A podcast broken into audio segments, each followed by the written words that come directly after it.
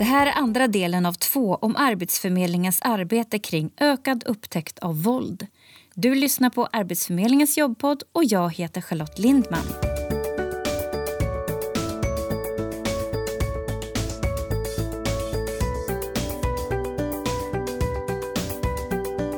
Var tredje vecka mördas en kvinna i Sverige av sin partner och många var arbetssökande. Nu har Arbetsförmedlingen fått i uppdrag av regeringen att öka upptäckten av våld i samverkan med andra myndigheter. Försäkringskassan, Migrationsverket, Socialstyrelsen och Jämställdhetsmyndigheten. I det här avsnittet så ska vi prata om hur mötet med våldsutsatta arbetssökande kan se ut i verkligheten då arbetsförmågan kan påverkas av våld. Därför har vi med oss Fivos Pagalias han arbetar på Arbetsförmedlingen och är utbildad socionom sedan över tio år tillbaka. Han har tidigare arbetat på kriminalvården och socialtjänsten. Och I sina yrkesroller så har han mött personer som har varit utsatta för våld. Välkommen hit, Fivos. Tack så jättemycket. Ja, idag jobbar ju du på Arbetsförmedlingens huvudkontor med frågor som rör arbetssökande som har ett behov av fördjupat stöd. Vilka personer är det som drabbas av våld? Det korta svaret på den frågan är att alla kan utsättas för våld. Men vad är det som kan ha hänt?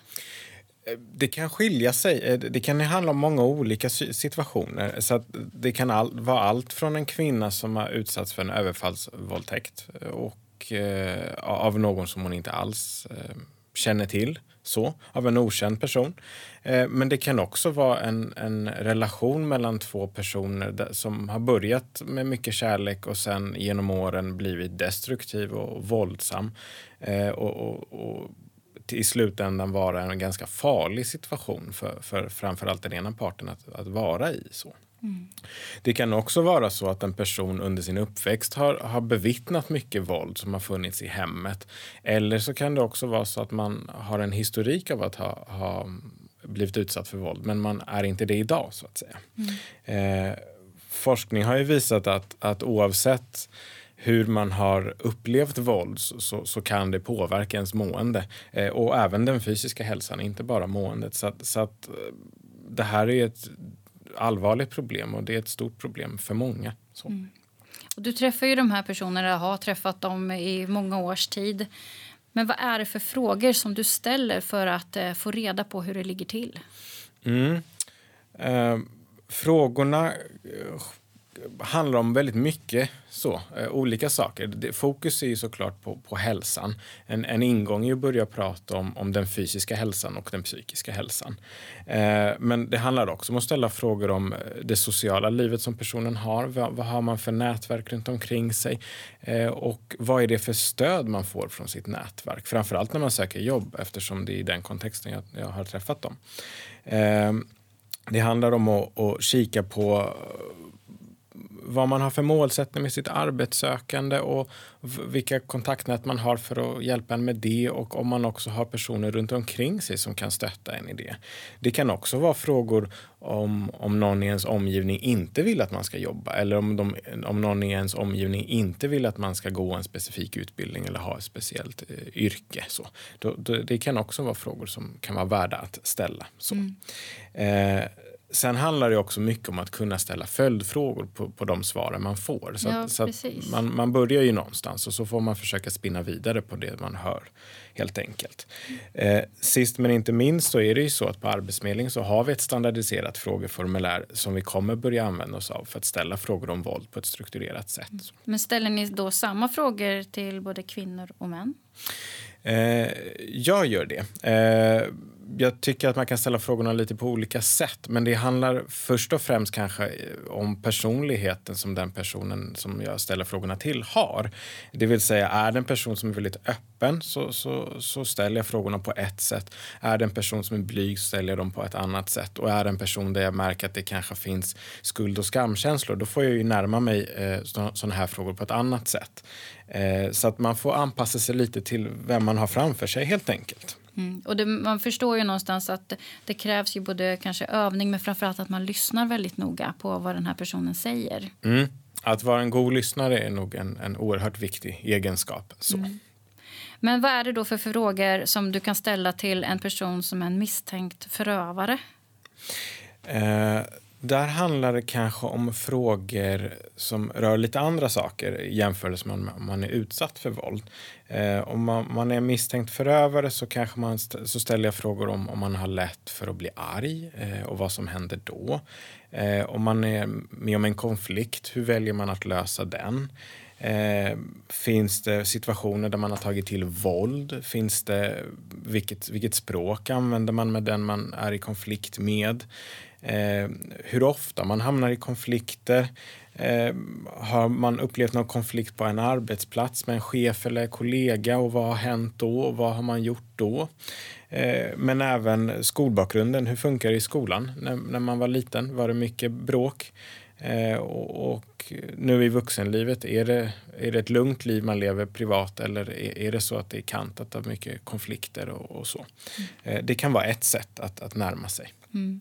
Men jag tänker då, eh, om du ställer en fråga till en kvinna då eh, och eh, olika frågor och följdfrågor, vad är det för typ av svar du kan få? Alltså svaren kan ju skilja sig mycket beroende på vem, vem man har framför sig. Eh, ibland kanske man inte får så mycket till svar alls och ibland får man väldigt mycket eh, till svar. Eh, och man får nog anpassa sig till, till det personen väljer att berätta. Eh, vilka svar man kan få kan ju också bero på var i processen en person befinner sig. Om man har eh, en, en insikt i att man utsätts för våld och man kanske befinner sig i en farlig situation kan man ju svara på ett annat sätt i jämförelse med om man, om man kanske inte riktigt har har eh, hunnit tänka de tankarna att, att, att den relation man lever i är, är farlig. Så. Den har blivit på något sätt kanske normal för, för den personen? Ja, mm. forskning har ju visat att, att om man blir utsatt för våld så, så i något skede så, så blir det här våldet en, en del av vardagen, en, en, normalisering. Så. Eh, och det är ju väldigt farligt för, för då, då reagerar man inte likadant längre utan då, då, då, tänker man att det här är en del av mitt liv och min vardag. Mm. Eh, och, och, det är ju en stor varningsflagga. Så. Men om du ställer frågan då, har du blivit utsatt för våld? Och den personen säger ja, det har jag. Vad gör du då? Jo, om, om, man, om man ställer den frågan då får man vara beredd på att man kan få eh, olika svar. Och, och, och, och, det viktiga är att man pratar om vad, vad finns det för alternativ då. Eh, man, man, behöver tänka högt tillsammans om vad som är ett lämpligt nästa steg. Vad är det personen vill? Eh, ibland är det så att alla personer kanske inte är motiverade att söka hjälp så då får jag kanske jobba lite extra med den motivationen. Eh, och då handlar det ju om för vår del på Arbetsförmedlingen att hänvisa till den samhällsaktör som, som har stöd att erbjuda. Så. Mm. Men det här är ju otroligt känsliga frågor såklart. Och just det här att eh, då ställa följdfrågor som du pratade om eller när, någon, när du märker att någon kanske tycker det här känns jättejobbigt. Hur bemöter du det då? Jag, jag, tror att det är viktigt att man redan från början när man ska ha eh, ett samtal med en person, att man är tydlig med vad samtalet har för syfte, vad man kommer ställa för frågor och varför och, och ringa in det på något sätt så att man är överens om vad man, vad man går in i. Sen tror jag också det är jätteviktigt att om man märker att att, man in, att personen man har framför sig inte vill någonting, att man i så fall väljer att respektera det. Har man en magkänsla som gör en orolig så tror jag det är viktigt i så fall att man följer upp det, den här magkänslan vid ett annat tillfälle i så fall. Eh, så att min erfarenhet egentligen är att det behöver kanske inte vara så, eh, eh, så känsligt att ställa frågor om våld och prata om våld. För att en majoritet av dem jag har träffat har ändå tyckt att eh, det är bra att frågorna ställs. Så, att oavsett vad man har för erfarenhet eller inte. Mm, för man kanske inte har fått den frågan någon gång. Man kanske inte har fått den frågan någon gång. Eller så kanske man når någon insikt när man får den frågan. Mm, att, det startar oj, någonting. Det startar mm, precis någonting. Mm. Men det här med, för jag menar, med tanke på att det ändå är så pass känsligt Eh, och det är jättebra att Arbetsförmedlingen börjar ställa frågor mer som en standard för alla personer som är inskrivna på Arbetsförmedlingen. Men hur kommer man runt att inte kränka eller lägga känslan av, som du nämnde tidigare också, det här med skuld och skam, att många kan ju få den här känslan. Det viktiga tror jag är att man har en, en, en respektfull dialog och ett respektfullt samtal med personen man har framför sig och respekterar det den, det den säger. Eh, att man heller inte värderar eh, personens agerande i en situation åt något håll utan eh, framförallt inte på ett sånt sätt så att den i så fall skulle känna sig förolämpad. Som att den har gjort någonting fel eller som att den borde ha gjort något annorlunda eller borde ha tänkt på det här. Eh, det, det, tror jag inte är framgångsrikt utan då tror jag att man kanske hamnar i den här eh, fällan av att eh, få den andra att känna lite skuld eller skam eller till och med kränkning. Så. Sen så, som vi har sagt tidigare så tror jag att det är viktigt att man är en god lyssnare, att man låter personen tala till punkt och att den får säga sitt öppet och, och utan att känna att jag ifrågasätter någonting av det. Mm. Men om du då misstänker att eh, det finns eh, våld i den här relationen som den här personen eh, befinner sig i, Eh, vad gör du då? Det jag kan göra det är ju att hänvisa till andra samhällsaktörer och myndigheter som erbjuder stöd och hjälp vid, vid våldsutsatthet. Eh, ur ett arbetsförmedlingsperspektiv så kan jag försöka anpassa planeringen som man har gällande arbetssökandet eh, så att de här insatserna som vi tänker oss eh, är rimliga och lämpliga och, och, och ger den effekt som vi hoppas på, vilket är att man närmar sig jobb helt enkelt. Mm. Men hur kan ett arbete då kring en person då som har blivit utsatt se ut? Kan du ge något exempel där? Jo, såklart. Det kan börja med att, att eh, vi har ett samtal eh, och där jag ställer de här standardiserade frågorna om våld som vi har på Arbetsförmedlingen som vi har tagit fram.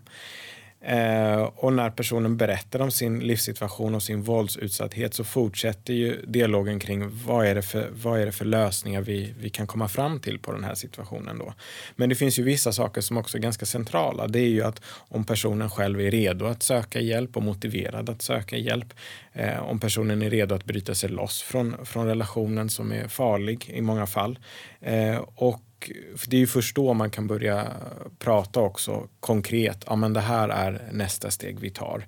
Eh, är man inte riktigt där, då kan man fortfarande prata om vilken hjälp som finns att få. Men det blir mycket mer hands-on så att säga. Mm. Om man eh, befinner sig i ett läge där man är redo att, att, att eh, ta steget att bryta relationen. Mm. Men skulle du kunna berätta, i och med att du har träffat så många personer tänker jag som ändå har blivit eh, utsatta för det här och du är ju van att ställa frågor kring det här och, eh, och nu jobbar du ju även med personer med fördjupat stöd ibland då bland annat personer då som har blivit utsatta för våld.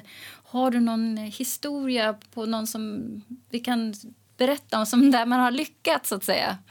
Ja, eh, den, den förmånen har man ju haft att, att ha fått se en hel del solskenshistorier. Så.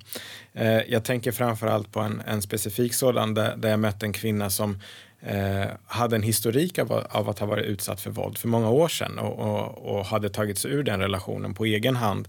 Eh, så att det här var ju, eh, det var ju en historik som fanns när jag mötte henne många år senare. Eh, däremot så, så, så berättade hon att hennes arbetsliv hade varit fyllt av ganska mycket sjukskrivningar av olika anledningar. Eh, måendet var ett bekymmer eh, och i perioder hade det funnits, funnits ganska mycket kontakter med, med psykiatrin. Så att när jag, när jag ställde frågor om våld och, och, och, och om den bakgrunden eh, finns eh, av de erfarenheterna eh, och om, det, om de fortfarande påverkade henne så, så, så hände det något. Då blev det en, en aha-upplevelse. Eh, där, där kvinnan då förstod att ja, men det här hänger ju ihop. Mitt mående hänger ihop med, med, med, min historia även om det har gått väldigt lång tid. Så att det som hände sen var att hon tog hjälp av hälso och sjukvården och fick en traumabehandling som faktiskt bekostades av hennes hemförsäkring. Eh, och resultatet av behandlingen det blev ju att hon såklart blev mycket bättre. Eh, det blir man ju förhoppningsvis av en behandling. Och hon kunde fokusera på ett annat sätt. Hon kunde drömma, sig om, drömma om framtiden på ett annat sätt. Och arbetslivet blev ju mycket mer stabilt. Eh, det, det blev inga, inte så många sjukskrivningar efter det, om, om ens någon faktiskt. Mm. Eh, vid ett tillfälle då, då, då, vi pratade så sa hon att det nog hade varit bra om någon hade ställt de här frågorna eh, om våld tidigare till henne. Eh, så att hon hade kanske förstått kopplingen mellan hennes mående och, och den bakgrunden. Eh, för då hade hon ju inte behövt må så dåligt så länge. Mm. Eh, men sen är det en annan sak också. En, jag har ju träffat många som har varit våldsutsatta genom åren och, och en gemensam nämnare hos, hos dem alla det är, det är att jag har ju sett eh, otroliga resurser hos de här personerna. Eh, de överlever i en situation som är, som är fruktansvärd många, många gånger. Eh, ofta i sitt egna hem. Och att ta sig ur den kräver ju både en enorm styrka och ett enormt mod. Eh, och, och, det har jag ju sett att de här människorna har. Så, att, så att det, är, det är överlevare helt enkelt. Mm. Ja, det är en fantastisk historia ändå och då förstår man hur viktigt det är genom att man säger då bara ställa frågan att det kan ske någonting hos den här personen. Så ett frö, eller bland annat få som den här personen du pratar om, en tankeställare att börja reflektera och söka hjälp på annat sätt. Mm. Ja. Men jag tänker också då vad man kan göra som medmänniska om man då känner till eller misstänker att en person har blivit utsatt. Jag tänker om en granne kanske eller en, en någon i släkten eller så vidare. Vad kan man göra? Det viktiga tror jag, eller tycker jag, är att man, man ska se, lyssna och uppmärksamma. Eh, är det så att man har en, har en magkänsla så ska man fråga om man, man, man är orolig helt enkelt. Hellre att man frågar en gång för mycket än ingen alls. Eh, och, och, sen har vi pratat det här om att när man befinner sig i en relation som, som innehåller våld så, så kan det vara så att i något skede så känns det här eh, Eh, så är, det, så är det normaliserat så att säga. Och då blir man ju lite avtrubbad kan det vara. Och, och då, där är det ju viktigt att man, eh, om, om man har den farhågan kring någon som är i ens närhet, att man uppmärksammar det och, pratar, och försöker prata med personen om det. Eh, vill man inte prata om det på en gång så, så, så får det vara okej. Okay. Men jag tror också att det är viktigt att man jobbar på det då lite så att man eh, försöker igen. Bara för att man får ett svar en gång så, så, så, så kanske det inte alltid är hela sanningen utan det, det är en process det med att öppna upp sig faktiskt. Mm. Eh, men jag, jag, är övertygad om att visar man att man finns där och stöttar eh, så, så hjälper det alltid till. Mm. Men vad ser du då är det viktigaste med just det här med att förebygga eller kanske då man säger medvetandegöra våld i, i nära relationer? Eh, min åsikt är ju faktiskt att vi måste börja prata om det här. Eh, det, det är ju så att eh, många personer som utsätts för våld ehm, lägger skulden på sig själva för att våldet sker. Det är ju en bild som eh, förövaren har för att rättfärdiga våldet. Eh, och det, det, är inte ovanligt att den som utsätts eh, tar, tar sig an den samma bild då. Så att vi måste börja prata om det, vi måste börja ställa frågor om det och vi måste se till att de som utsätts inte känns, känner varken skuld eller skam för den här typen av problematik eh, utan att man, man kan berätta det. Eh, på ett sånt sätt så att man också får den hjälp man behöver. helt mm. enkelt. Vad önskar du nu kommer att kunna hända då genom att Arbetsförmedlingen och personer då som träffar arbetssökande när de ställer frågan? Vad hoppas du för resultat? Min förhoppning är ju att vi på Arbetsförmedlingen eh, blir bättre och gör vårt för att upptäcka eh, våld eh, så att fler personer ska kunna leva ett liv fritt från just våld. De ska kunna må bättre och kunna ha ett bra arbetsliv och försörja sig själva. Mm. helt enkelt. Var kan man vända sig mer om man nu är våldsutsatt eller känner att man behöver prata med någon om det här? Om det är ett akut läge så ska man givetvis ringa polisen. Eh, inget snack om saken.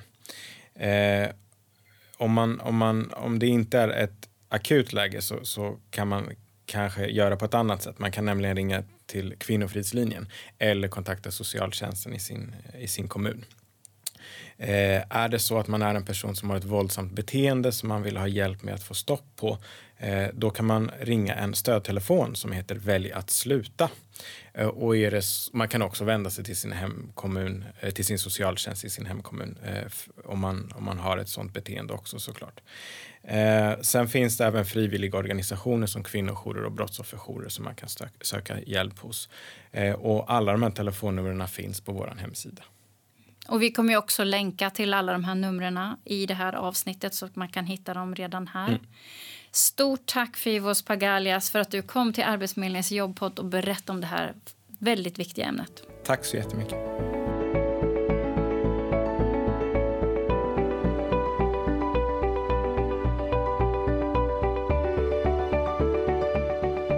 Det här var andra delen av två om Arbetsförmedlingens arbete kring ökad upptäckt av våld. Lyssna gärna på första delen som handlar om Arbetsförmedlingens uppdrag om att öka upptäckten av våld bland arbetssökande och varför Arbetsförmedlingen ska ställa frågor kring våld. Du har lyssnat på Arbetsförmedlingens jobbpodd och jag heter Charlotte Lindman. Gäst var Fivos Pagalias, tekniker PG Nordström. Skriv gärna till Arbetsförmedlingens jobbpodd och berätta om vad du tyckte om det här avsnittet. E-postadressen är podcast arbetsförmedlingen.se. Det här avsnittet producerades våren 2021. Vi hörs!